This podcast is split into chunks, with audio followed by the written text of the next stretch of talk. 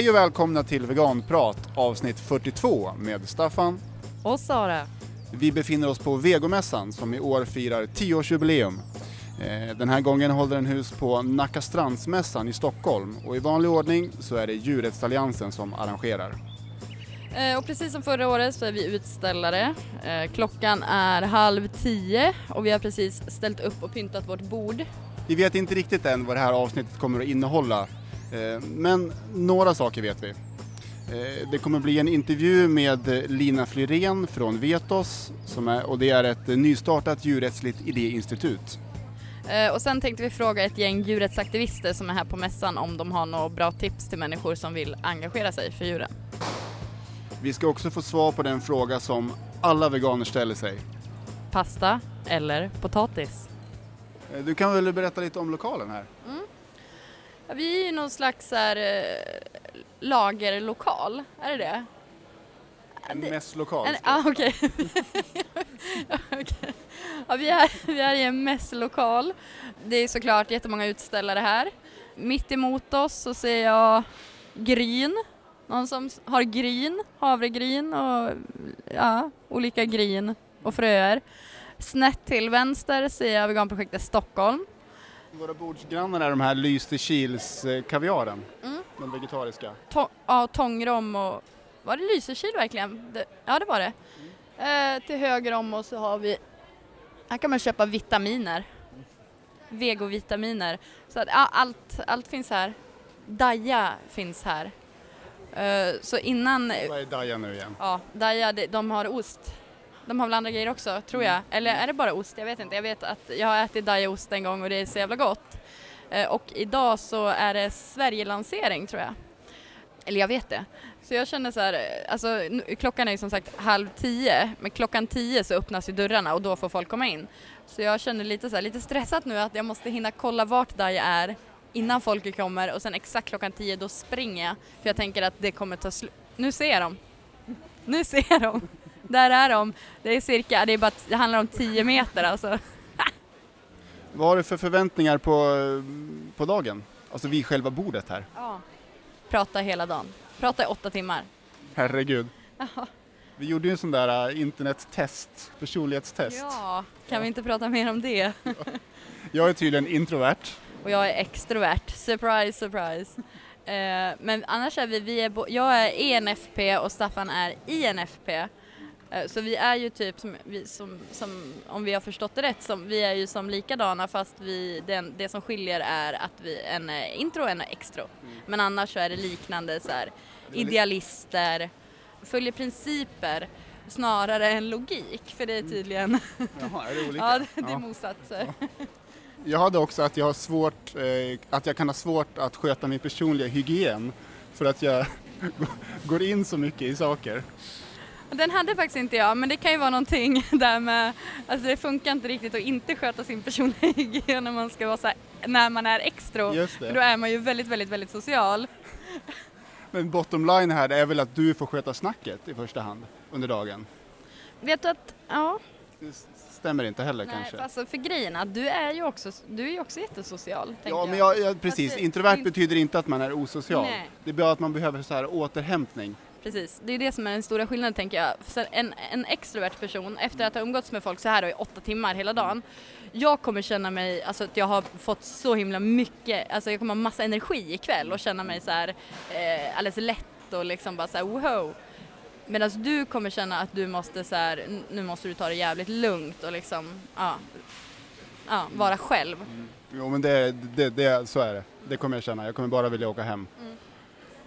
Ja, för din plan ikväll det är att vara hemma själv. Min plan är att, att gå ut och träffa fler folk. You have mail. Veganpost. Vi har fått ett mejl från Matilda och vi har fått hjälp av en besökare här på vegomässan Attila att läsa upp mejlet. Hej Sara och Staffan! Jag har en fråga som jag hoppas ni skulle kunna svara på. Jag tror på att äta en 100% växtbaserad kost.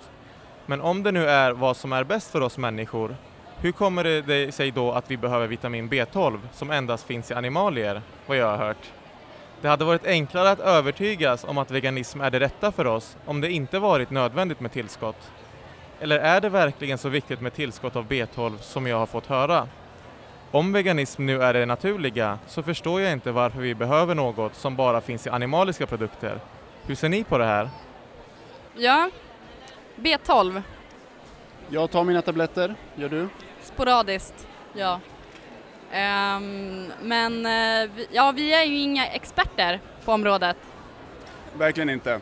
Och, men vi vet att eh, det finns en nutritionist i lokalen. Eh, vi söker upp henne.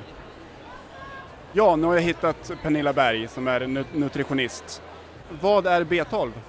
Ja, det är ett komplext vattenlösligt vitamin som vi behöver i kroppen för att bilda röda blodkroppar och att vi ska ha fina nerver som fungerar. Men är B12 animaliskt? Eh, nej, det är det inte. Det tillverkas av bakterier i naturen. I det här mejlet vi fick så skriver Matilda att eh, om veganism nu är det naturliga så förstår jag inte varför vi behöver något som bara finns i animaliska produkter. Eh, vad tänker du om det? Alltså, man kan ju gå omvägen genom att äta kött eftersom det innehåller B12. Men djuren har ju ändå fått B12 från bakterier i naturen. Så att från min synvinkel så kan man ju lika gärna gå direkt på bakterierna och äta det i form av berikade produkter eller tillskott. Jag har hört, jag vet inte om det stämmer eller om det är en myt, att eh, sådana här bakterier fanns i smuts. Så att om man tidigare som vegan åt liksom lite skitiga grönsaker kunde man få i sig B12 ändå.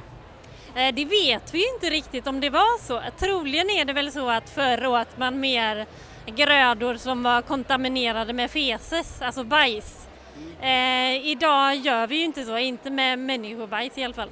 Och då fick man kanske i sig en liten del där. Men eh, man riskerar ju också att bli sjuk på kuppen om man inte tvättar grönsakerna. Så att vi är inte så tåliga idag. Så det är bra att du tvättar bort bajset från frukterna. Ja, Hur viktigt är det då att man får i sig B12 som vegan? det är jätteviktigt. Det är det viktigaste du bör tänka på. Varför? Får du inte i dig tillräckligt med B12 så kommer du få problem med dina nerver, eh, få problem med balans, stickningar i ben och armar, sämre minne och eh, anemi. Hur? Ja, det är inte alls trevligt. Och vissa av de här sakerna då, till exempel om nerverna tillbakabildas, det, det kan inte återbildas om det går för långt. Men jag hör ju ibland veganer som säger att nej men jag har inte ätit B12 på jättemånga år och det är ingen fara med mig och, och så vidare. Ja, det beror ju på att vi har ju olika lager i levern av B12 och beroende på hur stort lager du har när du blir vegan så räcker det ju olika länge. Och olika individer har också olika återvinning av B12 i kroppen. Vissa kanske har en superbra återvinning, då behöver man inte lika mycket. Men är man lite olyckligt lottad och inte har det så räcker det inte så länge. Fem till tio år brukar man säga. Det brukar räcka. Ja just det, för det här är ingen brist som kommer sådär bara utan det, det, Nej, vi använder ju upp vårt lager som vi har i kroppen först. Sen kommer de här allvarliga biverkningarna. Men visst är det så att även allätare kan få B12-brist? Jag vet att äldre människor ofta tar väl B12-tabletter. Ja, det stämmer, men det är faktiskt av en annan orsak. Det är för att de dels äter de mindre, har ett eh, lägre energibehov och sen får de mindre av den här faktorn som krävs i tarmen, intrinsic factor, så att upptaget blir sämre. Så det är två helt skilda saker egentligen. Hur vanligt är det då med B12-brist bland veganer? Jag har ingen exakt siffra men den är ju väldigt mycket högre än bland allätare. Eh, någon undersökning visade på runt 37 till 40 procent av eh, veganer har väldigt låga värden av B12 och det är väldigt alar- alarmerande. Ja, verkligen, det är ju nästan varannan. Ja, och sen kanske man inte går ut med det till sina kompisar om man får brist, att man kanske skäms lite också. Jag vet ju själv att det är så lätt att slarva med den där burken, den står där på, eh, på spisen för mig då men ja, det blir att man bara kanske tar någon tablett i veckan i alla fall. Behöver jag vara orolig? Det är ju bättre än ingenting. Eh, Det beror ju lite på vilken dos du tar också, men det bästa är att ta varje dag. Och som vegan då, hur ska man tänka kring det här? Vad ska man köpa? Jag tänker för en som precis har blivit vegan. Ja, det enklaste är ju att ha ett B12-tillskott, ett rent B12-tillskott. Eller att man är extremt noga med berikade produkter. Jag har hört också att det finns sprayer eller tabletter, är det någon skillnad där? Äh, Det viktigaste är att du tar. Eh, Sen är det en smaksak vilken for- form du väljer. Men om vi ska sammanfatta det här då?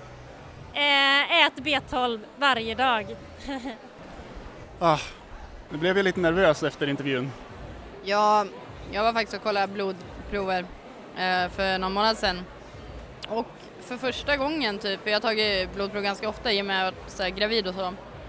Men den här gången så hade jag inte B12-brist. Du har haft lite B12-brist. Ja, typ jämt. Men jag är också, jag är ju en av de som är så här, ja, det finns ju väl någon så psykologisk förklaring till det, men jag är dålig på att ta tabletter, men nu har jag verkligen så här shape upp jättemycket.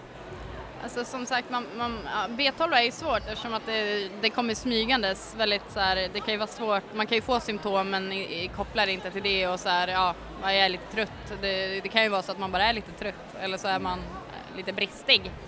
Så, ja. Ja, det är väl så. Men våra bordsgrannar här säljer ju faktiskt B12. Ja, det gör de. Kanske ska bli en burk i alla fall. Hur gick det med Dajan? Det verkar vara så att eh, en inte kan eh, köpa osten, bara få smaka och sen gå hem tomhänt. Så verkar det vara. Eller jag kan ha fattat fel, jag överhörde liksom ett samtal. Men jag tror, ja. Jag, får, jag går dit snart igen. Fan, tänk om jag har fattat fel och det går att köpa och nu så går jag inte dit för att jag tror att det inte går och så går det och så är allt slut när jag kommer. Fortsättning följer. Japp. Eh, du, du var vid Dajan nu igen. Jag, har, jag, jag fattar fortfarande inte riktigt för att det är fullt med folk så jag får inga tydliga svar. Men jag, det, det är no, nej, det går inte att köpa. Det går inte. Men du är inte helt säker? Nej, jag är inte helt säker, men man fick så här subscriba och så var det någon, de pratar ju engelska där borta för de är inte från Sverige, de är, jag tror de är från USA. Så bara, we're gonna tell you when and where you can buy this. Not now, but we will, we will tell you when and where. Det verkar kört. Nu har det kommit fram en person här till vårt bord, Maria, som har en fråga. Eh, Min dotter har blivit vegan och så vet jag inte riktigt vad jag ska ge henne då eh, i mat. För det är jag som lagar frukost och allting. Hon får frukost i sängen. Så är det viktigt. Eh, Och då undrar jag vad, vilka bönor är bäst för henne? Det är svårt att säga såklart. Alltså, den första frågan är så här, vilka bönor tycker hon om? Allt. Hon tycker om allt. Hon tycker om allt. Eh, sojabönor är ju kända för att de har mycket protein och sådär naturligtvis. Eh, ja, men eh, om hon tycker om allt då borde det inte vara något jättestort problem tänker jag. Jag menar kikärtor, kidneybönor. Jag lagar linser och kikärtor och vita bönor. Jag gör det. Men jag, men jag undrade just vilka bönor hade mest proteiner? För jag till exempel, jag har gastric bypass, opererad är jag. Och då kan inte jag, jag, jag känner verkligen jättestort behov av kött. För annars känner jag, jag blir svimfärdig om jag inte får mina proteiner. Jag behöver mycket proteiner fort. Och då känner jag att det enda jag mår bra av, det är linserna. Det är de som är effektivast för min kropp. Men jag undrar, finns det några andra som har, just, då menar du ju sojabönor. De är mest effektiva om man också vill ha mycket proteiner fort. Ja, de är kända för det. De, eh, det finns ju sådana här skalor och sånt där med uppställningar, mycket proteininnehåll. Och då ligger de ofta i topp och det är ganska långt ner till andra platsen. Men hur känns det för dig då att hon har blivit vegan? Alltså lite omständigt hemma. Min son laktosfri nu eh, och hon vegan. Men sen är jag också nu hemkunskapslärare. Ja, också eh, spansklärare. Så då, eh, jag måste ju, och där, därför har jag kommit hit för jag märker att hälften av klasserna börjar vilja bli veganer. Eh, det blir bara mer, fler och fler av eleverna och då kommer jag hit bara för att jag ville, jag ville liksom, ja, det, det räcker inte med de här böckerna man har läst, man, man måste hänga med. Och sen också för min, jag har tagit med mig min dotter. Och, och, så jag tänkte att man skulle få lite inspiration eh, för matlagningen för jag känner att jag är så tråkig. Alltså jag behöver, jag är så van att ha alltid kött och fisk. Mycket fisk i och för sig. Och nu eh, tas det bort. Då, då tänkte jag, då kan jag lika bra också anpassa mig nu till henne. Det skadar ju inte. Bara att man vet så lite. Och jag har packat på mig massor med information som jag ska ta sen till mina elever. Men problemet är att som hemkunskapslärare då måste man lära eh, eleverna det som står i böckerna. Men böckerna hänger ju inte med heller. Och sen då saknas det mer information i, i, i också då hemkunskapslärarnas utbildningar. Men du märker att fler och fler elever efterfrågar vegetariskt. Ja, ja, mycket mer. Den, eh, Hur stor är skillnaden? Alltså, uh, oh ja, det, förr kanske det var en, två i klassen. Nu kan det vara åtta, tio, ja. Fler och, fler, och flera som säger jag är på väg att bli. Jag vet inte, jag är på väg och därför vill jag kunna få själv mer kunskap så jag vet vad jag kan prata med dem om. Så att Vad anger de för skäl då? det, det är mycket där med mm, djuren. Ja, och sen vad kompisarna gör. Men det här med djuren och sånt, vad, vad tänker du om det då? Jag tycker det är hemskt. Eh, det, vi har själv hundar och allting. Det, det är hemskt. Eh, men det är som att man vill inte ta till, åt, man vill inte ta till sig det för att eh, för att jag känner sånt behov av eh, köttet. Men, eller kyckling, eller fisk. Eller mer behov av fisk. Egentligen, jag äter inte så mycket kött, jag äter mest fisk. Men jag känner verkligen att jag längtar efter fisk och ett glas rött vin. Jag, jag, det är livsnjutelse och sen märker jag själv att jag blir mer stabil i kroppen, att jag behöver det. Min kropp behöver det. Jag vet. Men eh, det är klart, då tänker jag att kanske fisken lider mindre. Men det, det kanske den inte gör ändå. Liksom. Det är alltid, ja. Det är hemskt att jag är... Ja, det är en inre konflikt. Men vilken fin förälder du är ändå, för det är många uh, unga som blir veganer som har jättemycket konflikter hemma med föräldrar om mat och sådana saker och får äta liksom, ja, För mig är ekonomi viktigt. Men då tänker jag just att det här med bönor, det är ju väldigt ekonomiskt. och tofu är ju, Och jag har köpt Typ. här. Jag, jag, köpt, jag har köpt på eh, två tofu. det är ju ganska billigt också om man köper block och 19 kronor. Ja, det var jättebra. Då kan man marinera, precis som i kött. ja, det var jättegott. Jag smakade där de här, alla de här um, jättegoda asiatiska såser där med chili, med tofu. Och det var så gott! Det var så gott och det kostade bara 19 och då tänkte jag men där är något för mig ekonomiskt. Så tack, Du får en bra dag här på mässan då. tack så mycket. Hej, hej. Hej då, ha det bra, hej. Nu har vi lämnat bordet. Nu är vi ute och går, eh, så här fyra timmar senare. Asskönt. Fan vad folk det är. överallt. Det är helt, eh, det är smockfullt. Den här kön heter Daja misstänker jag. Ja. Det, det ger en hopp inför framtiden alltså. Ska vi gå runt och kolla lite vad som finns, men vi börjar med ett eh, toalettbesök. Toa, toa, toa. Det är en, en poddare. Ah, fellow-poddare. Nu har vi kommit ut utomhus och träffat Hubbe från Djurrättsalliansen. Det är ett bra tryck här va? Ja, det är ett underbart tryck. Jag är så fantastiskt glad. Vi har varit tvungna att stanna för att inte kunna släppa in fler för att brandsäkerheten, men nu är det fullt ös igen. Och- Och jag hörde av någon där inne att det var lång kö och att ni inte kunde släppa, släppa in alla. Ja. Ja, vi hade en kö över två kilometer, sa de som stod längst bak. Hur många får vara i lokalen samtidigt? Eh, Jag har ju faktiskt inte riktigt koll på det, eh, om jag ska vara riktigt ärlig. Och ändå står det här och släpper in folk. Ja, men eh, de räknar dem innanför. Vad säger folk som är här då? Eh, Alla som jag frågat hittills som var otroligt nöjda som har gått ut och... Nej men det syns på folk att de liksom gillar det här. Syns på dig också. Ja, ja jag är fantastiskt glad. Nej men det, det känns otroligt härligt. Jag tror att vi är uppe i snart i 5000 personer så det känns eh, glädjande. Det, det måste vara rekord. Eh, ja, det börjar nog, framförallt så här tidigt på dagen, det börjar nog bli rekord och eh, nej men det känns kul. Det är en mässa som växer och det är otroligt. Härligt. Nu är vi tillbaka inne i mässlokalen. Äntligen lite provsmakning. Ja, det är, vi, vi, vi är vid cheese. Ah, den är inte så god Nej, än. den är äcklig. Men Ultuna är där borta. Ja, det är gott det. Vi går vidare. Ja. Tråkigt att köa. Ja, ja, eh, det är ju någonting jag inte klarar av. Men nu är vi... är väldigt är vi nära. Ja. Hej, hej. Vi tänkte provsmaka. Ja, Vad har ni för någonting? Vill du berätta i mikrofonen? eh, ja, vi har ju Ultunaosten här och det är våra tre varianter. Original, eh, pepparrot och hav. Jag tror jag har provat alla utom hav. Ja, samma, samma här. Så havet låter bra. Ja, så hav. De går åt fort. De hinner knappt skära upp dem så är någon, några fingrar framme och bara snurrar åt sig. Tack. Ja, då kör jag. Mm. Mhm.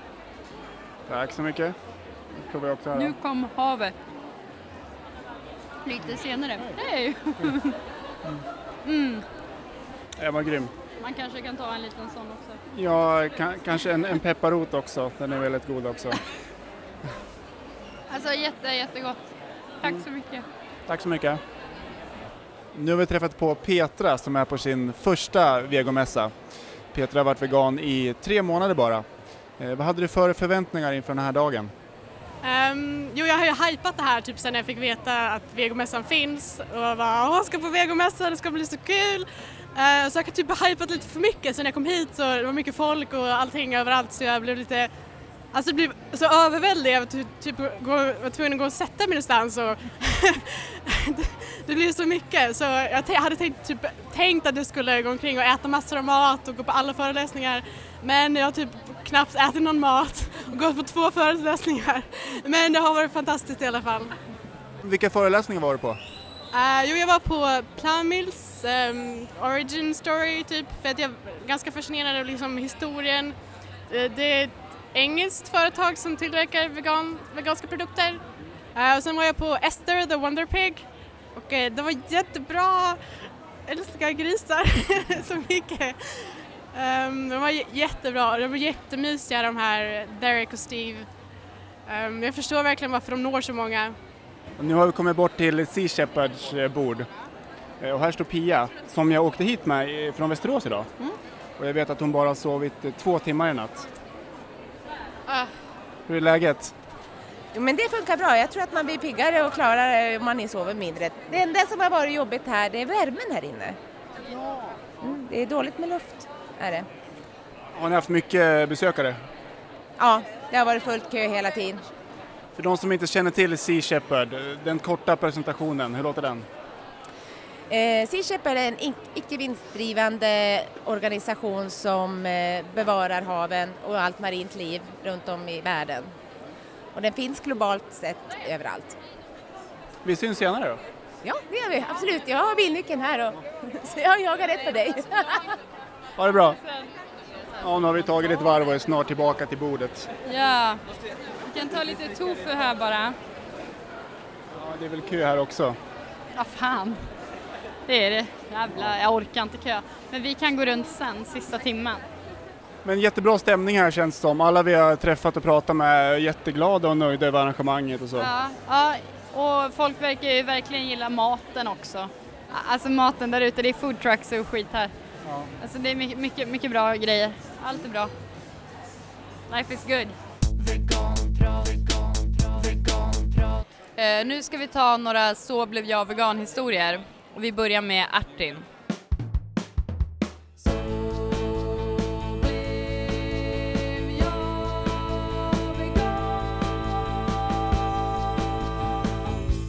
Nu är jag i bakis och alltihopa.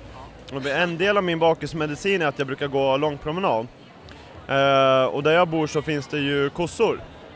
Eh, så jag brukar ju gå en promenad där jag hälsar på alla kossorna. Alltså man, man, måste, man får gå igenom deras eh, kohage och, och eh, första gången tänkte jag inte så mycket på det, de var väldigt rädda för mig och så. Men eh, gång efter gång efter gång så, så eh, var de väldigt sociala med mig. Och, och det, jag tyckte det var kul, jag gillar ju djur och så. Men, så att eh, man börjar klappa dem och hälsa på dem. Sen börjar man mär- lägga märke till eh, öronmärkningen, vilka som är lite speciella på sitt sätt och sådär. Och, och eh, ja, även hur de såg ut och så. Men eh, sen var det eh, särskilt, ehm, det var ju fyrsiffrigt men jag kommer ihåg dem som eh, tvåsiffrigt. 89, 92, 94.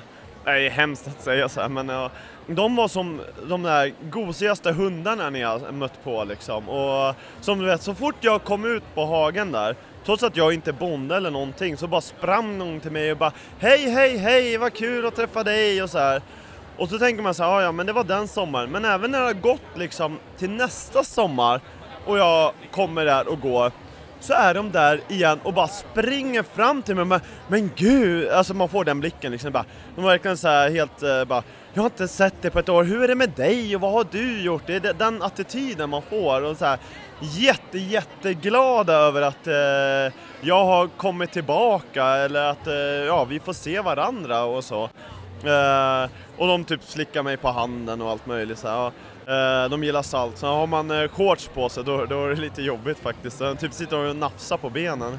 Eh, men eh, och det är lite så här, tänk dig själv en så här, över 100 kilo, jag vet inte vad de väger, bara springer mot dig och bara och, och, och eh, du vet inte, är de glada eller arga?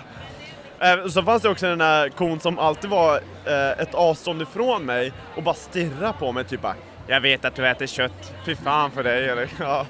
Eh, men eh, så det här var en process som tog många år för att eh, jag har ju alltid ansett att jag är en eh, djurvän och bla bla bla men jag har haft fem marsvin och tre illrar och fyra råttor och ja djurvakt åt en massa men jag åt ju alltid kött och ägg och mjölk och allt. Men sen var det ju så att när de försvann så var det med, efter lite information så insåg jag att de här försvann för att de inte var ekonomiska och ekonomiskt dugliga. De får bara leva max fem år. Eh, trots att de kan leva eh, mer, alltså mer än trippelt så långt, alltså 20 år eller mer. Men de fick inte leva mer än max fem år. Eh, för att de, de hade inget ekonomiskt värde. Och ja, så därför bestämde jag mig just då att, att jag skulle undvika, ja det är inte logiskt, men då skulle jag bara undvika eh, kokött liksom. Kyckling och fisk och gris det gick ju bra. Men eh, det var på den vägen som jag började. Och nu har jag varit vegan i strax över fem år. eh, Ja. Hjärtvärmande historia. Ja, verkligen. Jätte, jättefint. Vi tar en till eh, och den här kommer från Veronica.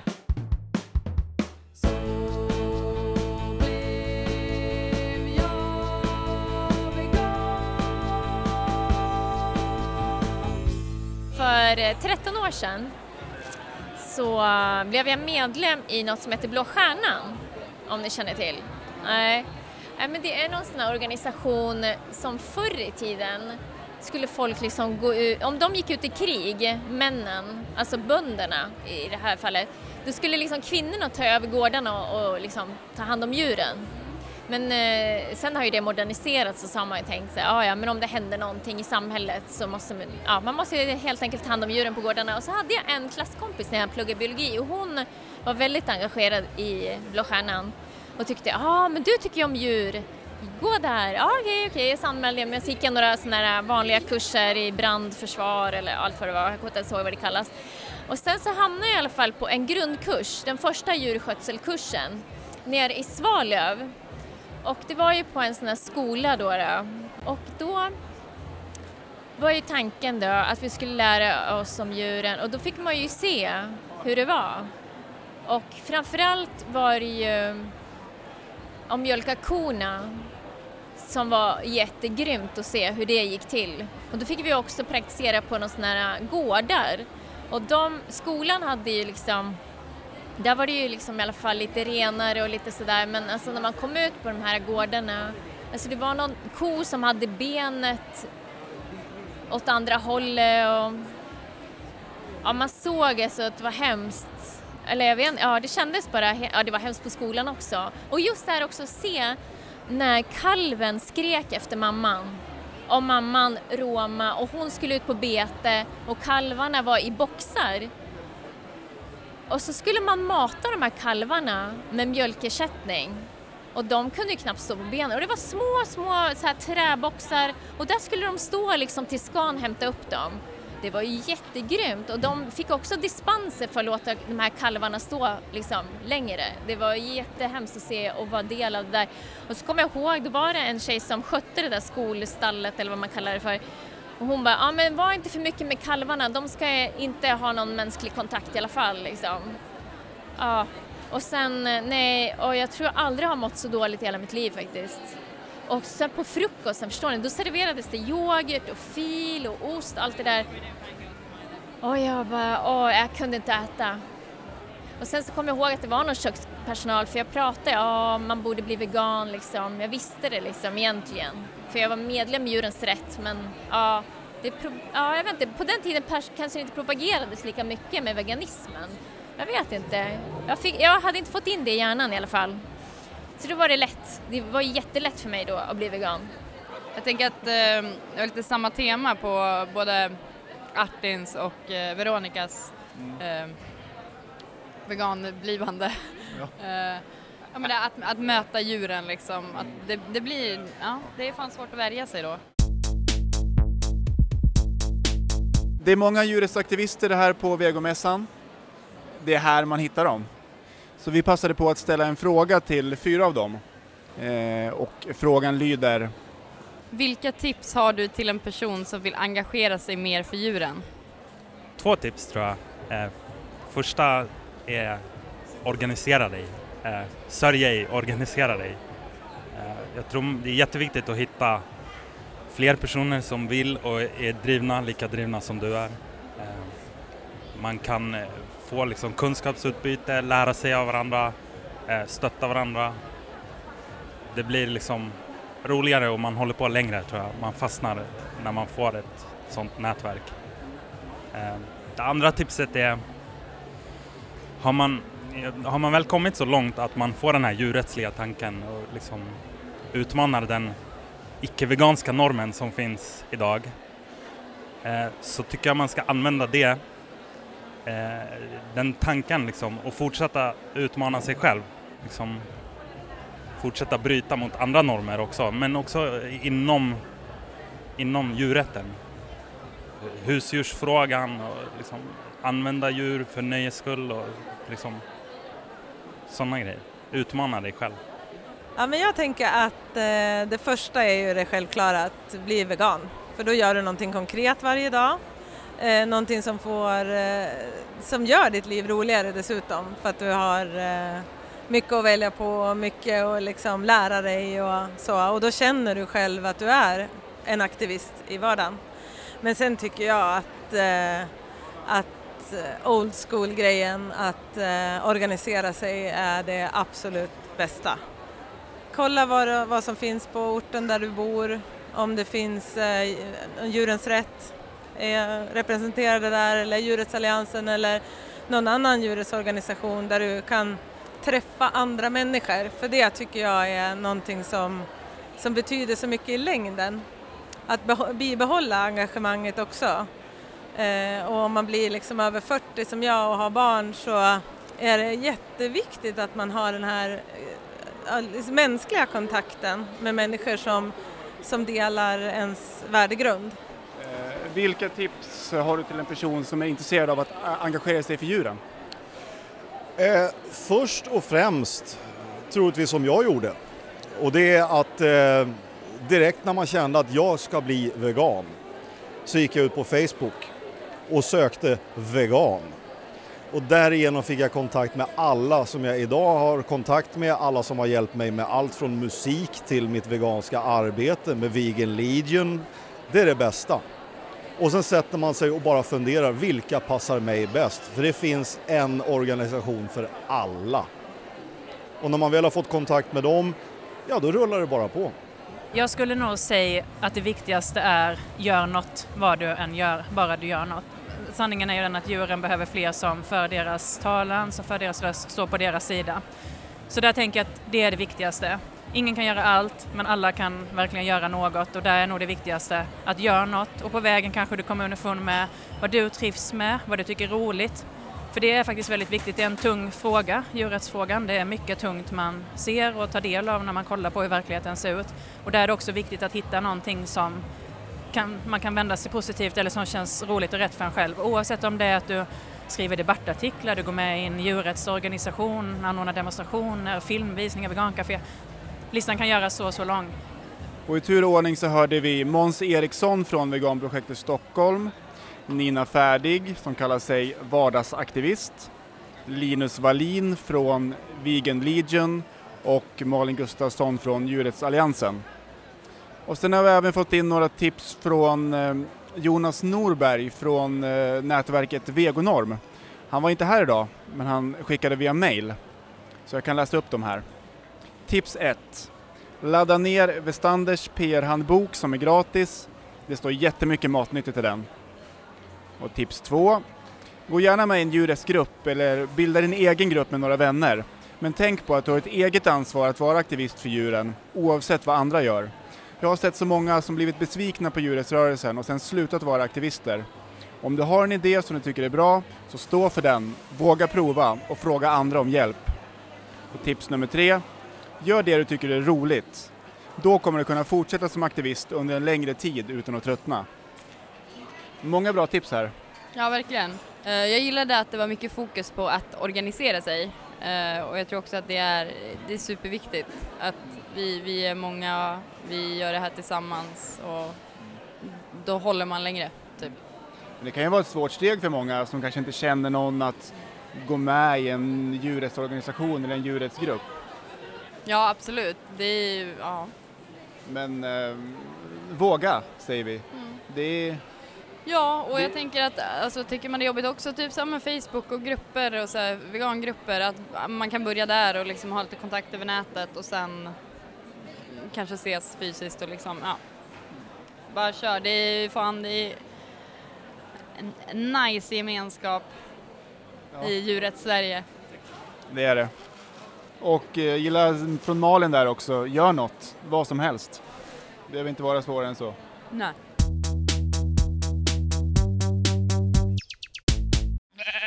Eh, Nu står jag bredvid Lina Flyrén från Vetos, ett nystartat djurrättsligt idéinstitut som bedriver opinionsbildning ur ett veterinärt, etologiskt och etiskt perspektiv. Var det rätt? Det var helt rätt. Sammanfattar väldigt bra. Hur fick ni idén till Vetos?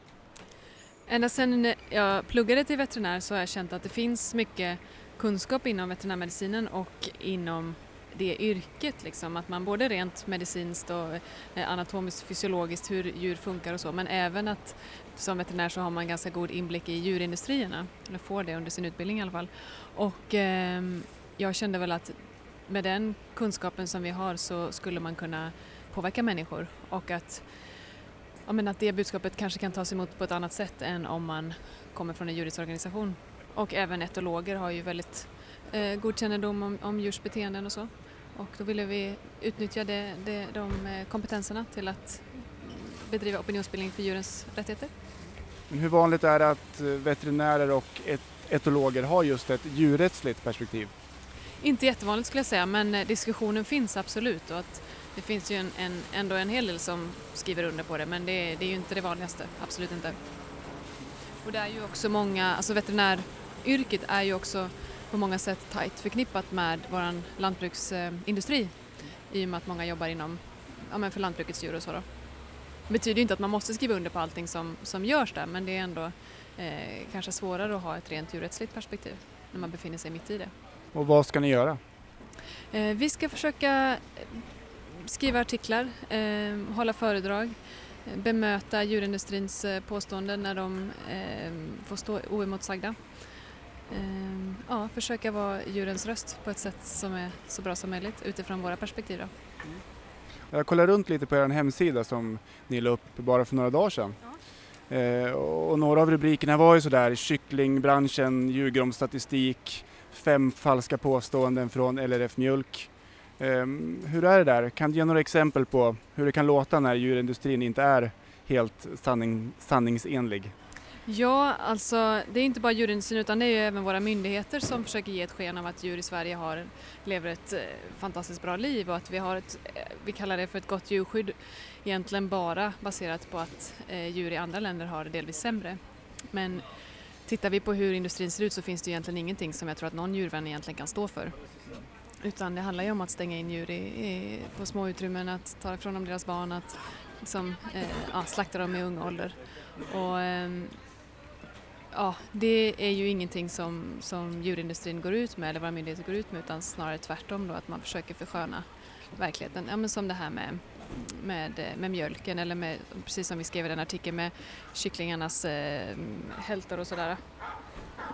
Ursäkta. Inga problem, det ringer telefonen här, ett, ett hundskall. Men industrin, eh, är det så att alltså, ljuger man medvetet eller att man bara undanhåller sanningen? Jag tror att det är en kombination. Jag tror absolut att det finns eh, medveten eh, lögnaktig marknadsföring som det väl finns inom de flesta branscher. Men eh, sen tror jag också att det finns alltså någon sorts eh, ja, men skygglappar lite. Att, att jag tror absolut att många som jobbar inom branschen och även på myndigheter och så tror, tycker att vi har ett gott djurskydd i Sverige och tycker att det är liksom helt acceptabelt hur vi föder upp djuren också. Och att de kanske snarare tittar på de fåtal goda exempel som finns än som vi då eh, lyfter upp liksom så som majoriteten av djuren har det och den, den industriella djurhållningen och så. Hur tror ni att det kommer tas emot då? Jag tror att en del, eh, kanske framförallt inom min bransch, då veterinärbranschen, kommer att bli provocerade av det. Eh, därför att det är ju en kritik mot så som vi har djur och det är en kritik mot så som veterinäryrket utförs på många sätt i och med att, just som jag sa innan, att de är så, många är så sammanlänkade med, Eh, med djurindustrin. Då. Så att jag tror att det kommer att vara provocerande för många men jag tror också att vi kommer få många som håller med oss eh, av allmänheten. Eller att vi har det och att man egentligen kanske ja, men ibland bara väntar på att någon ska säga det. Jag har också sett att ni har lite mera djurrättsliga eller liksom filosofiska artiklar. Till exempel om det här om intelligens, om det är en bra grund för moralisk hänsyn. Eh, eller om artbegreppet, att det kanske är en social konstruktion.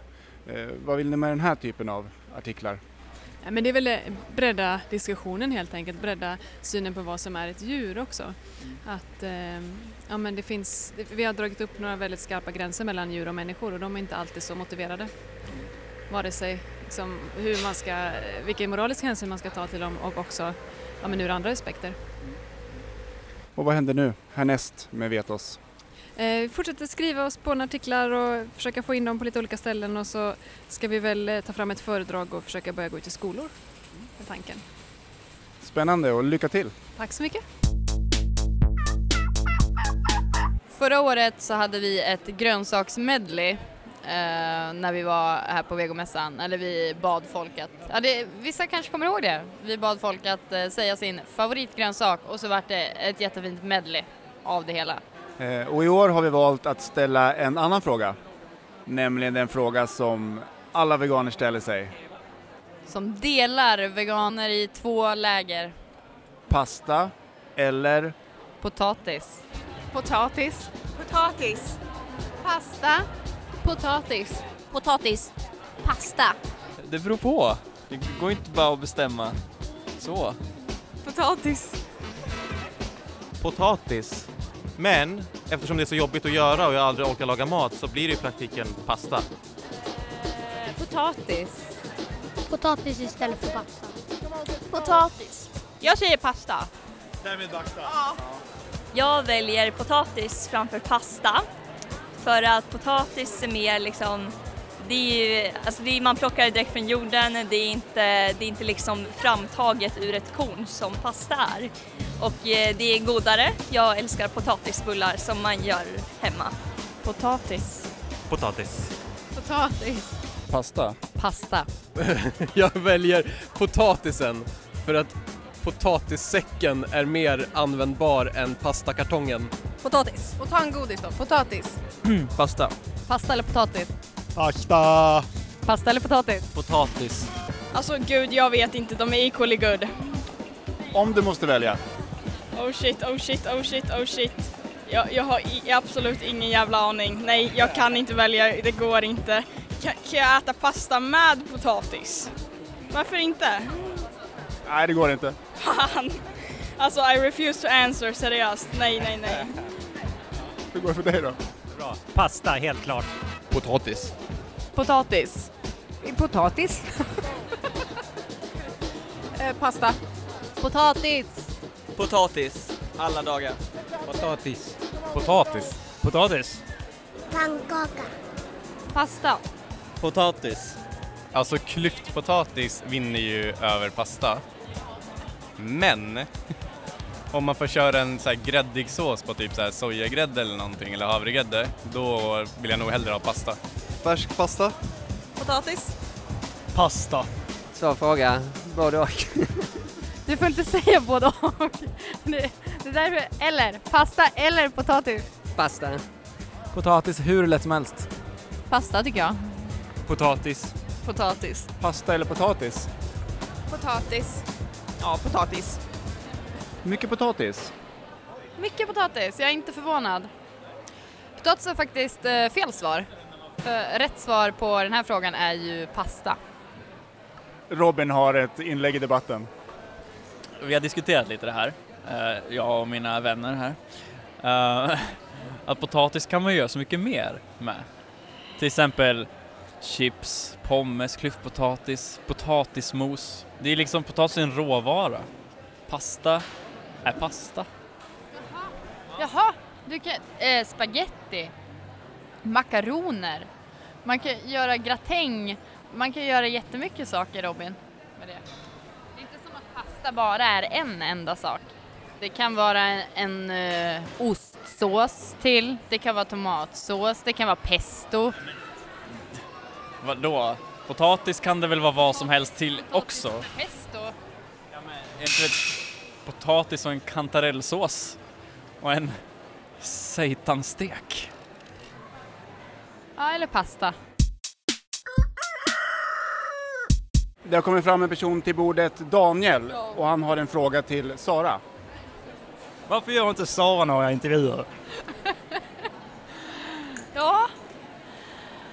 Nej men jag tänker så här, det, det, det är Staffan som har gjort det för att ehm, men det är din grej tänker jag. Journalistkille. Kille. Det är inte jobbigt att bara vara sidekick. Jag tänker att du kan få en sån sidekick-stämpel. Ja, alltså jag, nej, alltså jag tycker ju inte att det är jobbigt. Jag, jag trivs ju väldigt bra i, i rollen som sidekick. Eh, men sen blir jag så här, bara, eh, eh, det är lite så här feministgrejen, typ eller så här, eller hur, hur kommer an, alltså jag blir stressad typ, jag måste ta en intervju. Vi bestämde igår att jag skulle ta en intervju idag bara för att det, måste, det ska se bra ut. Eh, och sen direkt när jag kom hit, typ det första jag sa, bara, jag gör ingen intervju. Så att, eh, nej. Va? stressad. Det är så himla stressigt typ så här. Du hade ju så här, frå- frågorna klara också det jag skulle säga och jag bara nej. Klockan närmar sig sex. Ja, Det här är ju den bästa tiden på dagen. Det är nu allting blir gratis. ja, vi fick precis massa tempe, korv, skinka och eh, lax här nu från Vegoköket. Så man bara kom fram och slängde det på oss. Ja. Det bästa med mässa. Och alldeles nyss så var vi vid glasståndet. två Holly and Dance. Ja. Och fick eh, gratis glass. Jag, har- ja, det här har inte du ens sett Staffan för du var iväg. Titta något annat jag har fått. Tofurky. Ja. Eh, men vad ska vi säga om dagen då? Hur har den varit tycker du? Ja, alltså jag som förra året, eller varenda gång en är på mässa så känner man ju sig bara helt överväldigad eh, av, eh, alltså bara jag tänker fan, fan vad, fan vad gött folk där. Och att alltså, det är så mycket veganer och djurrättare och engagerade människor eh, och massa nyfikna människor som vill så här, prata djurrätt, vill prova nya vägar att, eh, att gå. Eh. Ja, det har varit väldigt roligt vid bordet, det har varit så blandat. Vill ni ha lite tångkaviar? Tack så mycket! Nu kommer det ännu mer grejer Ja, från våra tack, härliga, härliga grannar. Åh, fem burkar! Jag tar en röd. Ja, innan vi blev så exalterade över den här tångkaviaren så, så berättade jag väl att, eh, jo, men att det är så kul att det kommer fram, har kommit fram så mycket olika personer till bordet. En del som kanske har hört, eh, som kanske har lyssnat på podden under lång tid och vill prata om det. Eh, andra har aldrig hört podden och då kan man bara ge ett visitkort. Och en tredje grupp eh, förstår inte ens att vi har gjort en podd. Eh, och då är det mer sådär veganprat. Jaha, ni vill prata om veganism. Och det är också väldigt roliga samtal. För då kan det, kan det vara mer sådär, jaha, ni är veganer. Eh, varför dricker ni inte mjölk? Som bara så här, ja, va, va, varför, varför vegan? Varför inte vegetarian? Att det varit mycket sådana, det känns som att det varit mycket så här eh, normalisar här på mässan. Eh, eller känslan jag har att det var fler, fler sådana idag än vad det var liksom förra, förra året. Vilket ju är eh, superpositivt. Men jag känner mig rätt matt nu här efter dagen. Ja, jag tänker nu rundar vi av. Och det var allt för den här gången såklart. Nu packar vi ihop det sista här. Eh, nästa gång blir det ett eh, vanligt avsnitt. Förhoppningsvis blir det en intervju med eh, Henrik Wig då om den här boken, Djurens förintelse. Han var här och föreläste på mässan. Och vi hade jättegärna velat gå men vi satt ju lite fast här. Och som avslutningslåt den här gången så kör vi Det räcker nu med eh, Linus Wallin som ni hörde tidigare i avsnittet från eh, Vegan Legion. Men när han musicerar så kallar han sig Batterix. Eh, men ni får jättegärna mejla oss. Kontakt snabel a veganprat.se Eller lämna kommentar. veganprat.se Följ oss eh, på Facebook, Twitter eller Instagram. Och? Om du inte är vegan. Bli vegan! Hejdå. Hejdå. Potatis. Pasta.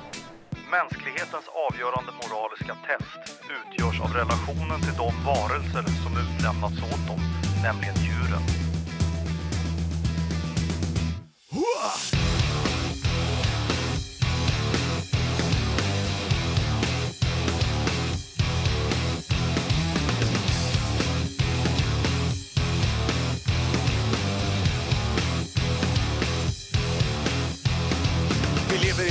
där pengarna styr, där makten tar sikte på djuren som flyr. Vi lever i en bubbla, en blind fantasi, blundar för den verklighet vi faktiskt lever i. Vi utnyttjar djuren precis som vi behagar, för djuren gäller inga mänskliga lagar. På ögetrånga bås, ångest och skräck, över alla vilda djur kan vi snart dra streck! Det räcker nu!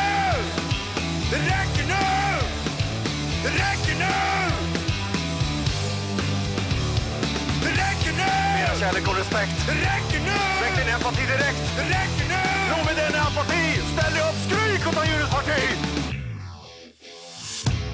Den som inte ser och förstår sambandet mellan djur, natur och människan är väldigt avtrubbad. Förgifta våra vatten, skövla vår skog. Men fler och fler fattar att nu är det nog. Vi vägrar vara tysta, vi vill inte vara med. Vi reagerar nu innan världen är passé.